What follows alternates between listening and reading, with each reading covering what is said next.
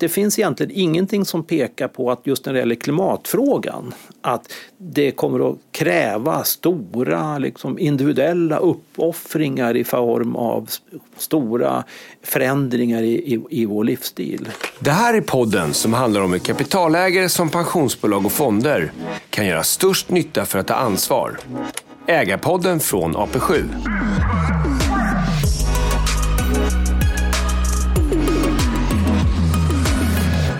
Jag heter Mikael Lindök och är kommunikationsstrateg på Sjunde AP-fonden. Dagens gäst är professor vid Stockholms universitet i nationalekonomi och bestämmer vem som kommer få Nobelpriset i ekonomi. Varmt välkommen John Hassler. Tack så mycket. Du sitter alltså med i, i Nobelkommittén för ekonomipriset, så det är inte bara du som bestämmer eller? eller? Nej, alltså det formella beslutet det tas av hela Kungliga Vetenskapsakademin i plenum. Och det är lite spännande för det är precis innan det annonseras. Men eh, jag sitter med i något som kallas för priskommittén och vi är tio personer som jobbar under hela året med att förbereda det här beslutet. Och vi jobbar med ett, ett större, stort antal eh, parallella prisidéer. Så vi brukar börja i, i Nobelveckan och då har vi kvar från förra året kanske en 10, 15, 20 prisidéer eh, som vi parallellt jobbar med och som blir den här listan kortare och kortare under våren. Och vi brukar bestämma oss i ungefär ja, lite före midsommar eller någonting sånt där och så ägnar vi tiden därefter till att slipa på, på prismotiveringarna. Det är både liksom långa, tunga vetenskapliga och mer populärvetenskapliga. Och eh, sen så läggs det här förslaget då fram eh, eh, andra måndagen i oktober mm. för hela Vetenskapsakademin i plenum och så hoppas vi på att de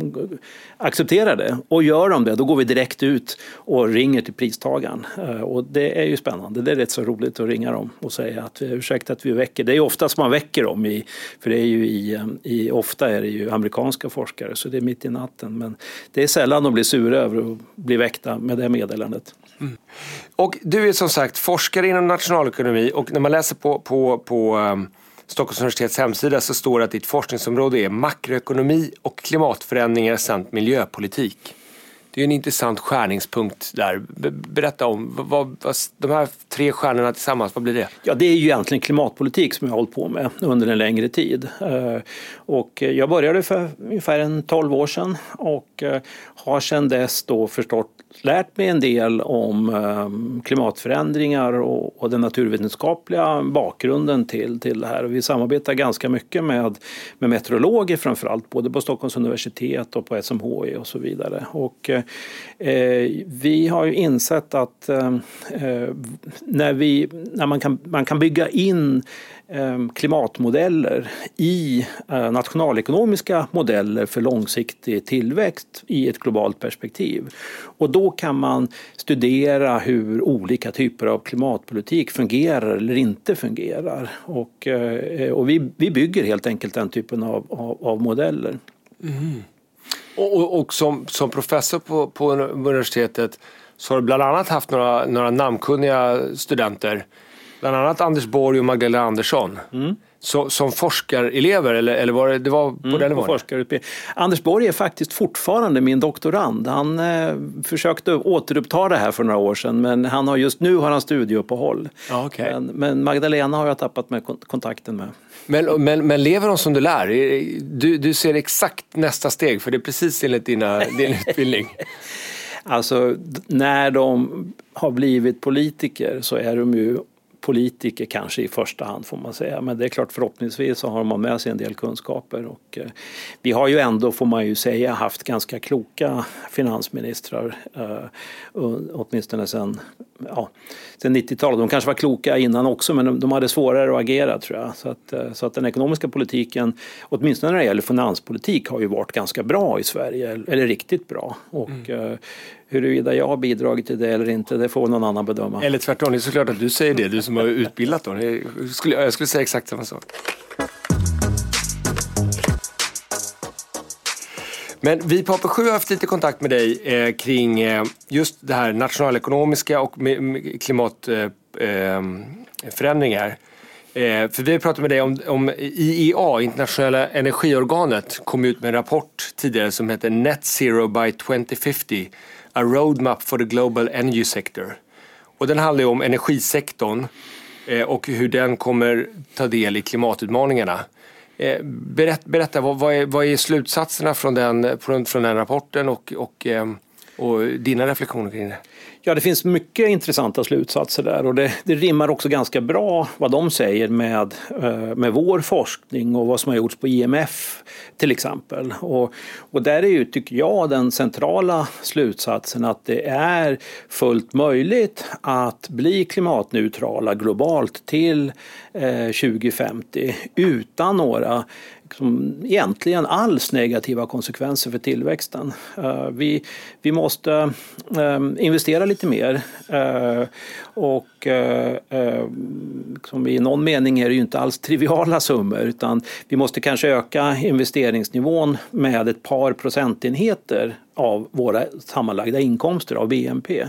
Och det är förstås mycket, men det är inte historiskt liksom extremt på något sätt.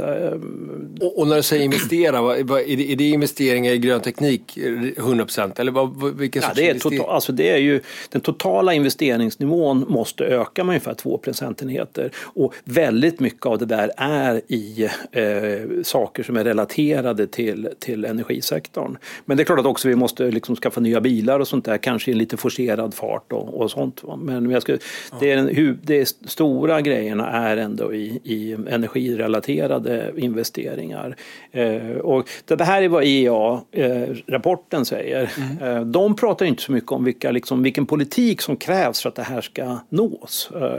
Det, gör ju, det är ju det som vi fokuserar på och, och som också IMF har, har um, um, eh, har tittat på. Mm. Och, eh, där eh, så är det helt klart att det behövs eh, styrmedel för att det här ska ske. Eh, men så är de på plats, då är alltså inte den här omvandlingen av samhället eh, egentligen exceptionell. Det här är inte en större strukturomvandling av samhället än, än annat som vi har gått igenom. Jag brukar säga, eh, även om jag inte kan liksom bevisa det, att digitaliseringen är en mycket större strukturomvandling av samhället än eh, övergången till, till eh, klimatneutralitet. Men det som är den stora skillnaden, det är att för att det fossila samhället ska Eh, Eh, fasas ut, då måste man sätta ett antal gränser av ekonomisk natur, annars kommer inte det att ske.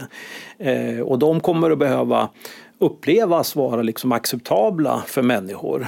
Um, annars så kommer man att kasta de här reglerna över bord. Mm. Så är det ju inte alls med digitaliseringen. Det analoga samhället det kommer att fasas ut oavsett om det finns grupper som tycker att det är orättvist att så sker. Det kommer ändå att ske. Eh, när vi gick över från bondesamhället till industrisamhället så var det ju folk som, som förlorade på det. Eh, och, och framförallt de som kanske hade gjort investeringar som sen visade sig man inte kunde göra. Och samma sak med liksom, de som har gjort stora analoga investeringar. Och, eh, de, en del av det liksom blev då stranded assets. Eh, så det här sker hela tiden, det är inget konstigt. Va? Och, och det är ju förstås massor med investeringar som görs som visar sig efteråt inte vara lönsamma. Så det är egentligen inget konstigt med det.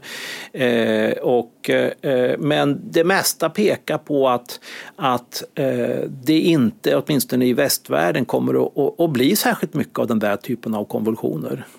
Eh, eh, IEA har gjort en, en intressant kalkyl där man eh, delar upp liksom, vad ska man säga, anpassningsbehovet från individers synvinkel i tre kategorier. Och det en, den första är då den typen av eh, förändring som egentligen individerna inte märker någonting av. Liksom om det vill, om, om det, så länge det finns eh, produktion av el så märker man ju inte om den kommer från olja eller från vattenkraft. Eh, och, eller från vindkraft eller någonting sånt där. Och det är den ena kategorin.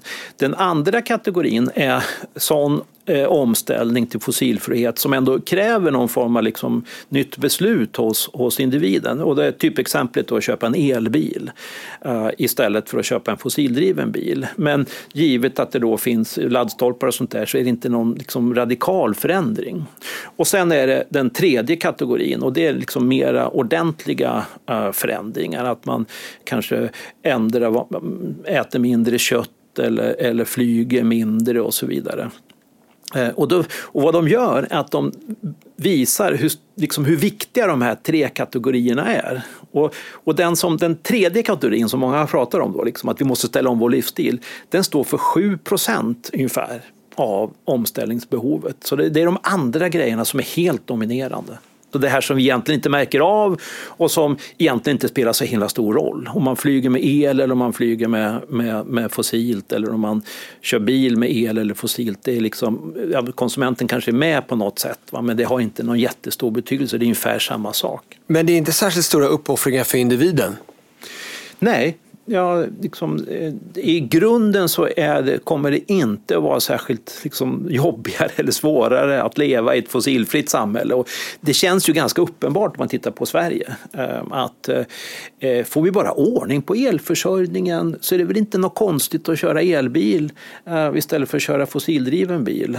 Och, och, och, och, och som i Polen då när man nu tänker sig att man ska gå över till kärnkraft istället för kolkraft. Ordnar man det så är det ju inte någon, någon skillnad för individen.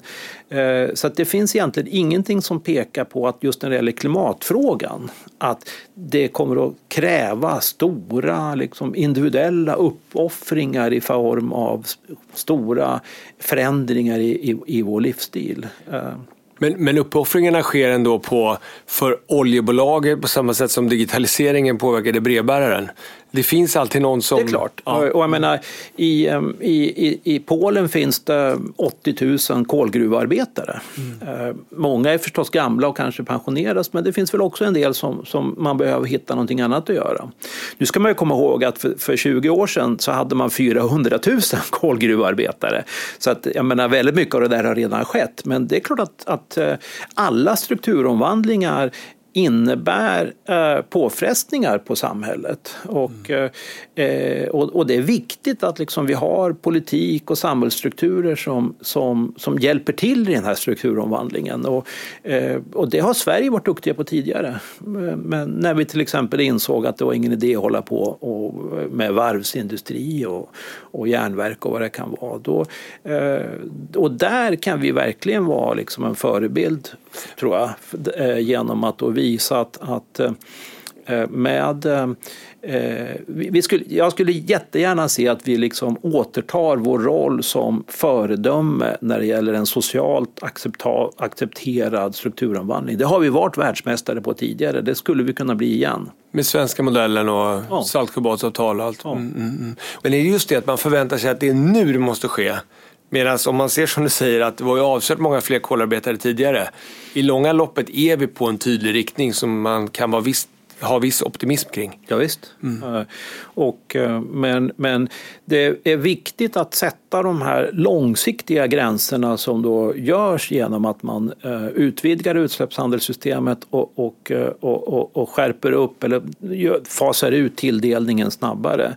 För det liksom ger den här inriktningen som då kan påverka den långsiktiga planeringen hos, hos företagen. När, när Volkswagen fick reda på att det nu förbereds och förmodligen går igenom en lag som säger att man inte kommer att få sälja fossildrivna bilar efter 2035.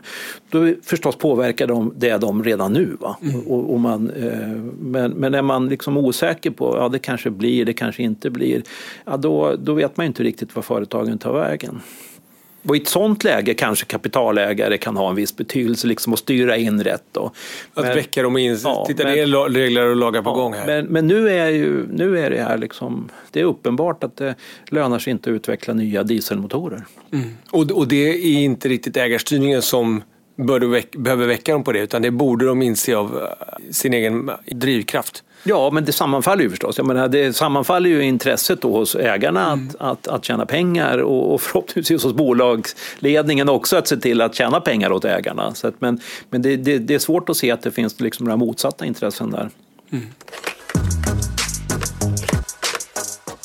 Vad naturvetarna har lärt oss är ju att det finns en proportionalitet mellan hur mycket utsläpp vi globalt sett släpper ut över tiden, alltså de ackumulerade totala utsläppen över tid och hur mycket klimatförändringar vi får.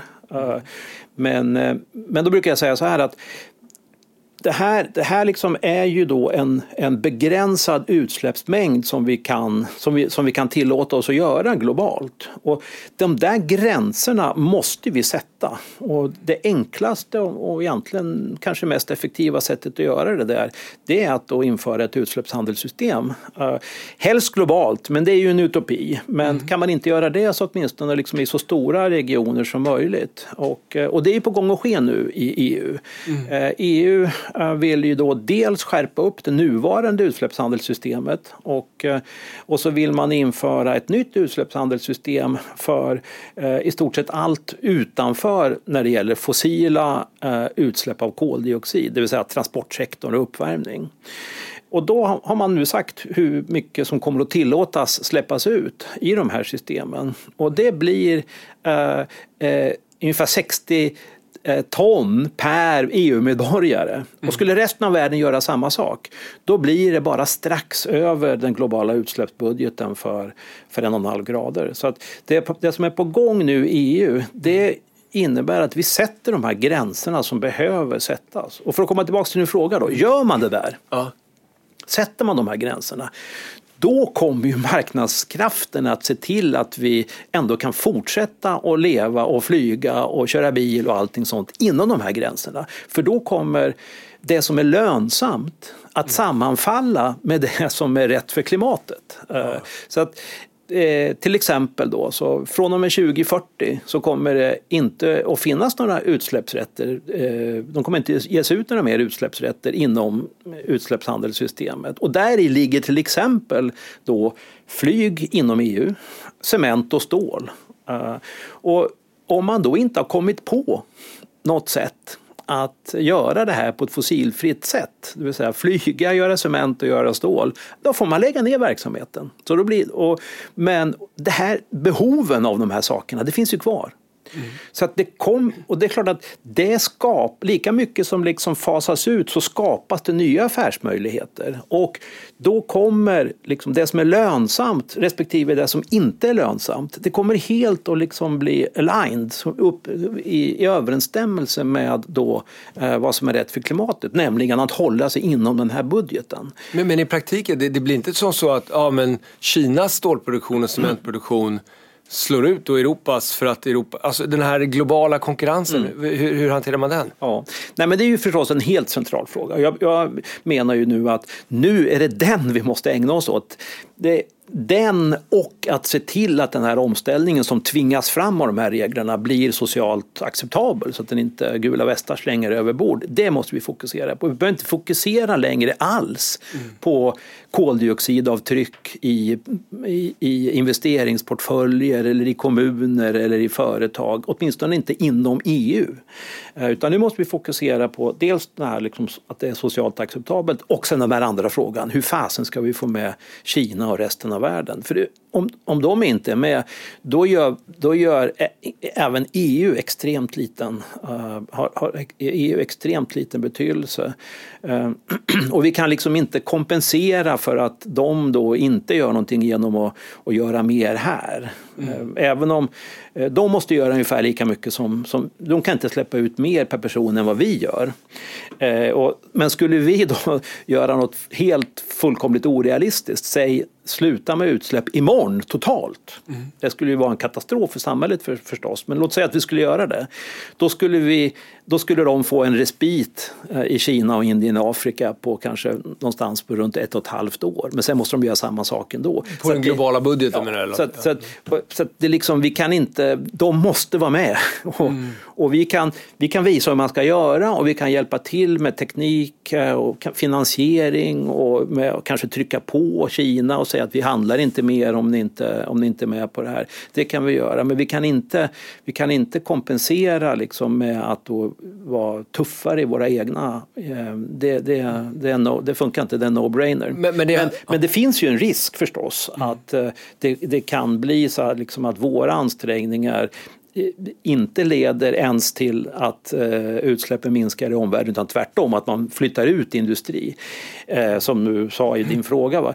Jag eh, bedömer ju att det mesta talar för att riskerna för det där är ganska ordentligt överdrivna. Mm. Det är så mycket andra saker som, som styr uh, företags lokaliseringsbeslut och det här, det är få företag liksom som, som kommer att, uh, uh, i varje fall i liksom det närmsta decenniet och så där, se att, att liksom konkurrenssituationen ändras så mycket att man flyttar ut. Eh, sen, sen dessutom är det ju så att eh, ta, ta liksom den här frågan om fossilfritt stål.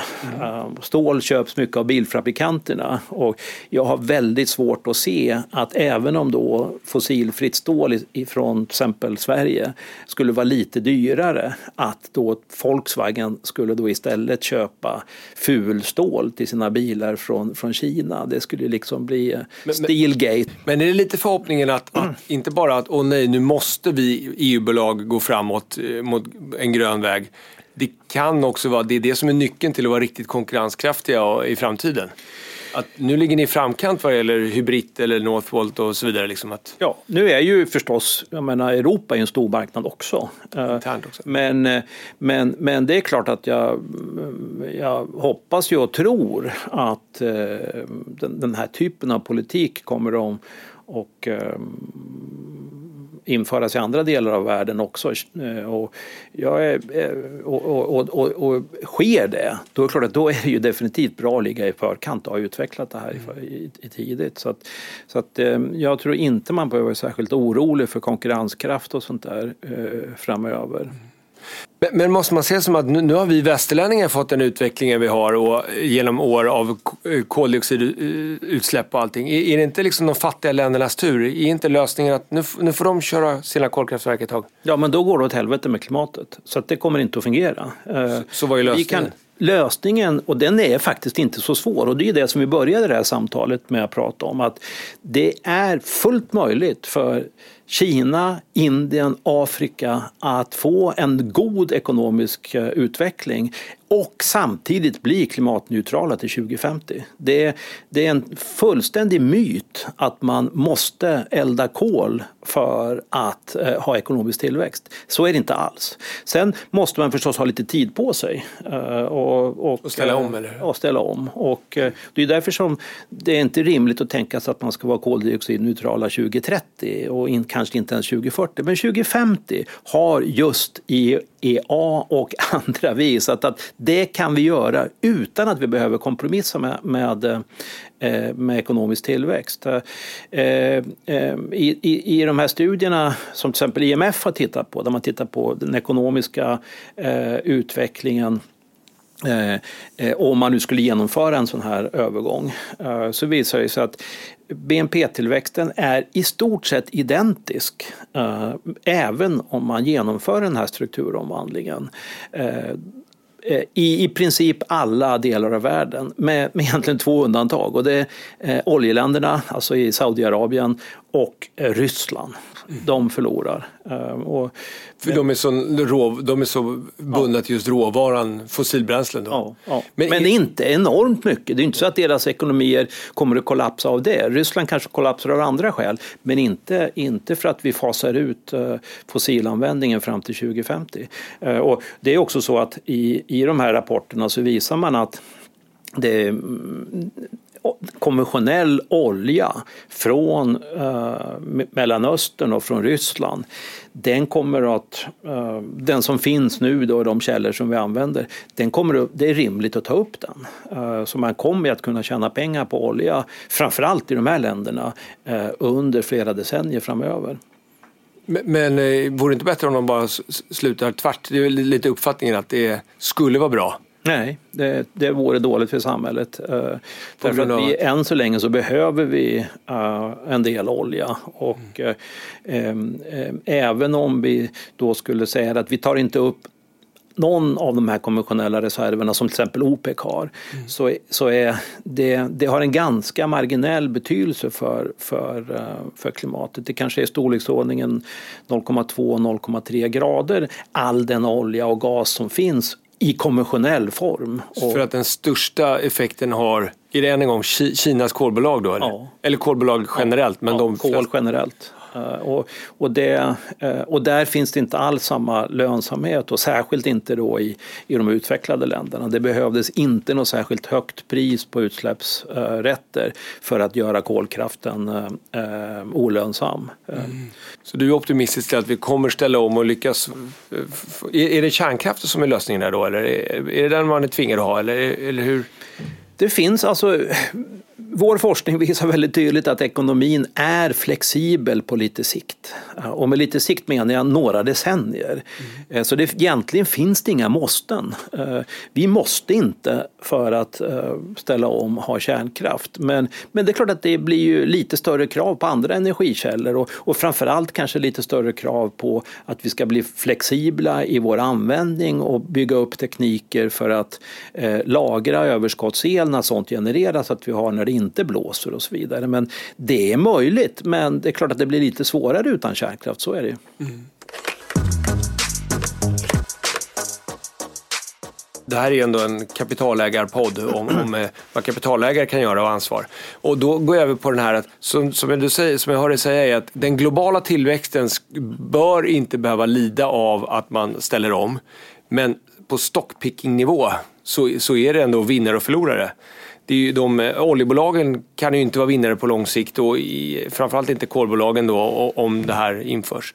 Eh, hur, hur, hur, ser du, hur ser du på de perspektiven? På, på landsnivå så finns det vinnare och förlorare och den, även nere på marknaden så finns det olika vinnare och förlorare. Ja, det är klart att det gör. Ehm, det finns kalkyler av hur mycket Eh, som man brukar säga, stranded assets det finns. Alltså investeringar som är fossilberoende och som om vi då ställer om till eh, klimatneutralitet till 2050 måste liksom kasseras innan de har tjänat ut och tjänat färdigt. Det visar sig, och det är ju förlorare då, men det visar sig att i Eh, I västvärlden är det väldigt lite sånt. Ehm, och, eh, så att, och, och, men de är ju rena förlorare för de har ju, där har man ju investerat i saker som man sen då inte kan använda. Andra förlorare det är ju då förstås företag som inte klarar att anpassa sig till de här nya reglerna som, som, som då krävs. Så att ett, eh, mm, EU-kommissionen föreslår ju att, att eh, man efter 2035 inte ska få sälja fossildrivna bilar. Och bilbolag som inte klarar att utveckla något alternativ till fossildrivna bilar, ja de får ju lägga ner, så de är ju förlorare. Men, men det är väldigt svårt att se att de stora bilfabrikanterna skulle ha några problem där. Eh, så att eh, det, det, det, det, försvinner affärsmöjligheter, men i stor utsträckning så kommer det ju liksom, de nya affärsmöjligheterna som skapas, de, de, eh, de, de kommer ju ofta att skapas i samma branscher. Och sen, sen får man ju se, liksom, är det här nya företag som, mm. som kommer att liksom växa fram eller är det de gamla som, som då eh, i kraft av att man har kunskaper som nya uppstickare kanske inte har kan ställa om själva. Just när det gäller bilar så ser man ju båda. Jag menar, mm. Tesla är ett exempel på en ny fabrikant då, men, men som var tidig. Mm. Men, men nu ser man ju att, att eh, Volkswagen och, och, och, och Mercedes och Volvo och alla andra också eh, då inser att vi, det är ingen idé att försöka utveckla några nya fossildrivna bilar för de kommer vi inte kunna sälja. Och, och de, huruvida de liksom kommer att ta över marknaden från Tesla eller tvärtom, det får vi väl se. Mm. Eh, det, det, är svårt att säga vilka som kommer att vara vinnarna redan initialt. Då, utan det... Men där menar jag liksom som, ehm, som eh, investerare så blir det väldigt mycket lättare med de här reglerna på plats. För att då är det liksom bottom line som man ska titta på. Har de här företagen en affärsplan som är som kan generera vinster också under förutsättning att de här reglerna finns. Det vill säga att man inte kan få sälja fossildrivna bilar efter 2035. Är man i, i flyg eller cement eller så vidare så får, måste man vara fossilfritt till 2040. Man behöver bara titta på bottom line. Mm. Uh. För i finansbranschen pratar man mycket om omställningsbolagen, att det, att det är de som är framtidens vinnare och det finns en risk att, att eh, man som pensionsbolag eller kapitalägare köper på sig bolag som kanske inte har de bästa mättalen just nu men de är tydliga på att de, de är villiga att ställas om. Och eventuellt via ägarstyrningen att det är det som kommer få dem att ställa om också. Medan vissa bolag visar inte ens tendens till att uh, ha en ambition av att ändra sin affärsmodell som ett kinesiskt kolbolag till exempel. Ja men här är ju stor skillnad om du pratar om Kina eller, alltså, eller om du pratar om, globala bolag. Om du pratar om företag inom EU. För att i, inom EU så kommer ju då lönsamhet att sammanfalla med hållbarhet. Mm. Och, och det betyder ju att man egentligen bara behöver titta på lönsamhetsfrågan. Är det här liksom en hållbar affärsplan som kan generera vinster framöver? Man behöver inte ha något särskilt fokus på, på klimat, uh, deras klimatambitioner. Uh, men, uh, men det är klart att när, när man pratar om företag um, globalt då, då är det ju lite en, en annan fråga. För där är det ju då inte så, åtminstone med nuvarande regler, att lönsamhet och eh, hållbarhet liksom drar åt samma håll. Eh, och där möjligen kan liksom kapitalförvaltare då göra viss skillnad men, men jag tror att man måste ändå för att lösa problemet så måste man få hållbarhet och lönsamhet att gå ihop igen. Va? Det, även om vissa investerare då säger att ja, men vi är beredda att göra avkall på, på lönsamhetskrav därför att vi vill vara hållbara eller så vidare så, så tror jag att det, det är svårt att koordinera alla kapitalplacerare i världen och göra det här. Så det, det kommer att skapa då större ut, liksom möjligheter för andra. Så att jag, jag man kan tänka på det här som någon, liksom någon sorts plan B, men jag är skeptisk till att den kommer att fungera. Vi måste sätta de här gränserna som vi nu gör i EU i resten av världen också, annars kommer det inte att funka. Men, men om, om, man ser den största globala aktiemarknaden ligger ju ändå i USA eh, och där har vi ju Tesla som ett exempel som du säger. Så, mm. så, så går det även utan EUs regler att marknadskrafterna är tillräckligt stor drivkraft för att man, man, man eh, kan ställa om eh, bolag? Och att, att det Nej, jag tror inte det. Inte jag, tror, jag, tror, definitivt inte det. Utan det, man måste se till att det inte är lönsamt att eh, bedriva fossil verksamhet på sikt. Mm. Men General Motors kontra Tesla, om man tar det som ett exempel. Är inte ändå Tesla vinnaren de senaste tio åren eller, och, och, ungefär? Så där, därför är det bevisat att, det är, inte, det är inte ett vetenskapligt bevis kanske, men ändå att, att det är marknadskrafterna som lyckas. Nej, det är inte tillräckligt. Alltså det, det, jag tror inte man kan säga liksom att om det är så att man inte kommer till rätta med det här problemet och att, det, att inte lönsamhet och hållbarhet hänger ihop. Mm. Då då kommer tyvärr det vara så att avkastningen genereras av de företag som är lönsamma, inte de som är hållbara. Eh, eh, och, men det är klart att en del har väl kanske bettat på att man i USA kommer att bli mycket striktare i, i, i lagstiftningen än vad marknaden som helhet tror. Mm. Och visar det sig att de då har rätt, då kommer de att tjäna pengar. Men, men det är liksom först, det, det, då betingat på att då marknaden helt missbedömer uh, förutsättningarna för att sådana här saker ska komma på plats. Men jag tror att det är naivt att tro att man liksom i det långa loppet uh, kan tjäna pengar på någonting som inte är lönsamt. Mm. Ja, det låter väldigt naivt. Ja. Mm. Men du har förhoppningar om att USA går i linje med EU? Att även den gigantiska marknaden är på väg i samma riktning? Ja, det.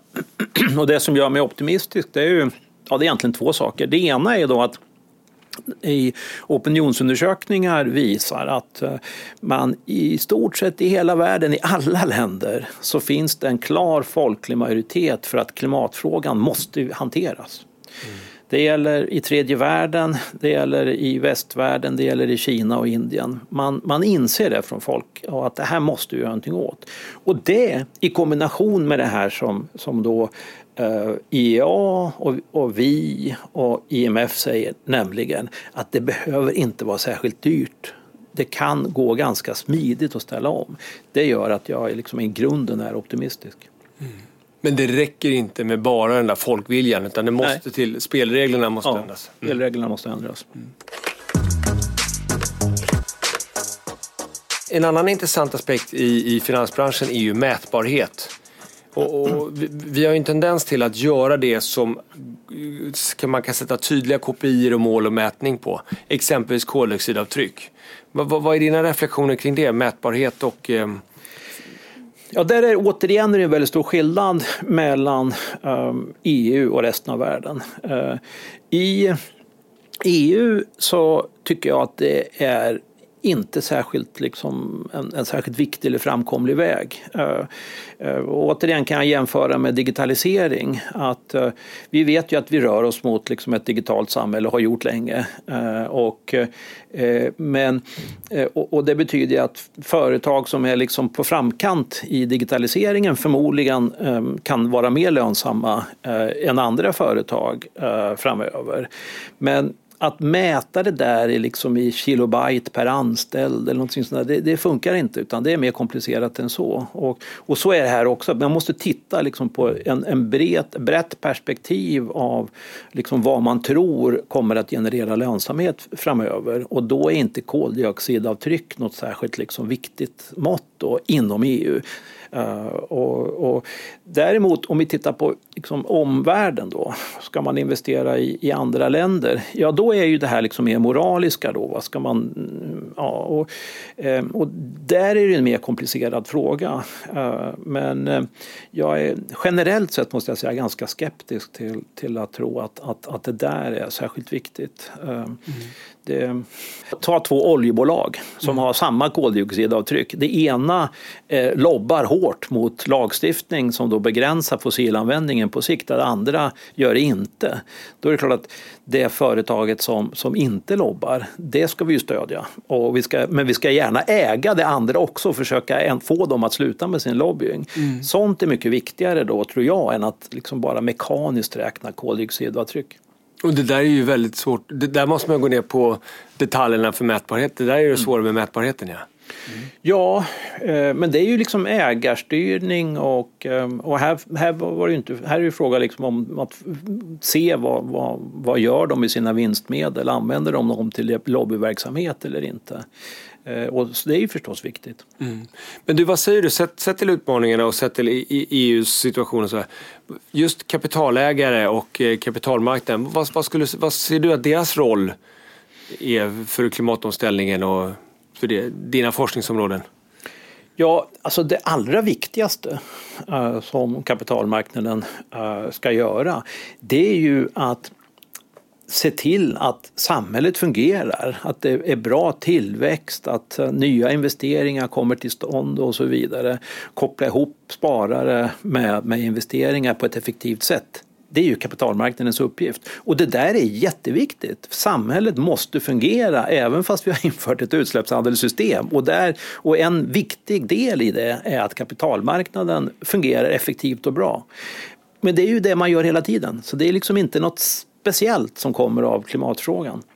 Men på grund av nya regleringar och så vidare så riktas kapitalet då i rätt riktningar? Det... Exakt, det, blir, för det är det som är själva poängen då att med de här reglerna så blir eh, det lönsamt att eh, gå över till, till en, en fossilfri produktion och det blir olönsamt eh, att, att inte göra det. Och, eh, eh, och kapitalmarknaden då gör ju som vanligt då att, att vara med och försöka få um, um, sparande att kanaliseras till de lönsamma investeringarna. Men det, det, är precis på samma sätt som andra omställningar, digitalisering och så vidare, att man, man ska, måste försöka se vad, vad, vad pekar åt rätt håll och vad gör inte det.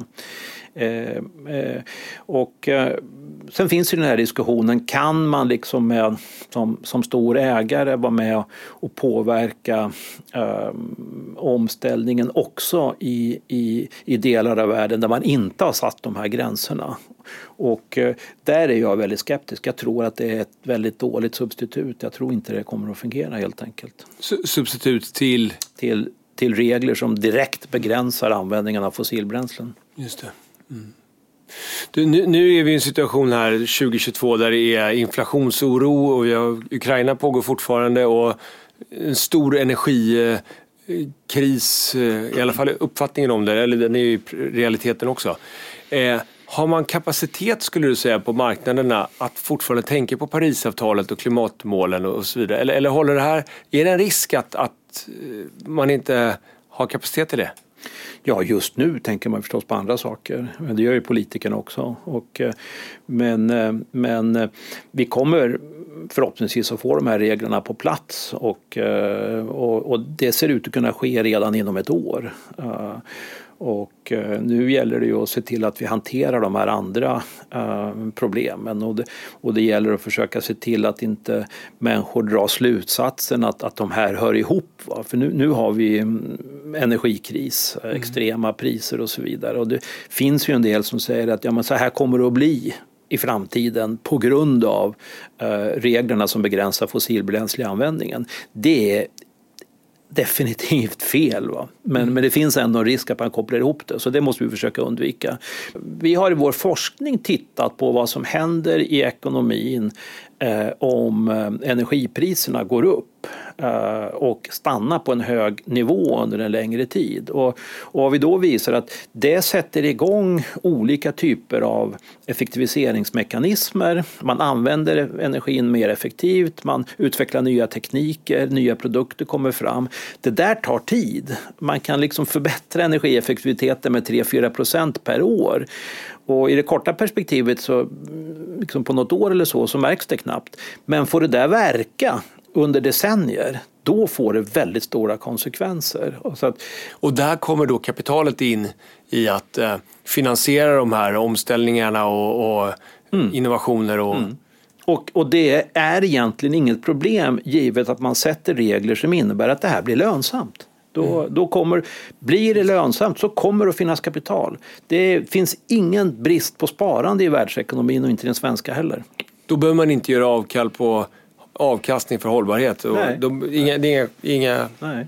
kompromisser. Nej. Jag tackar så hemskt mycket för det här samtalet. Det var tack. väldigt intressant. Stort, stort tack och lycka till med Nobelpriset. Tack. Tack.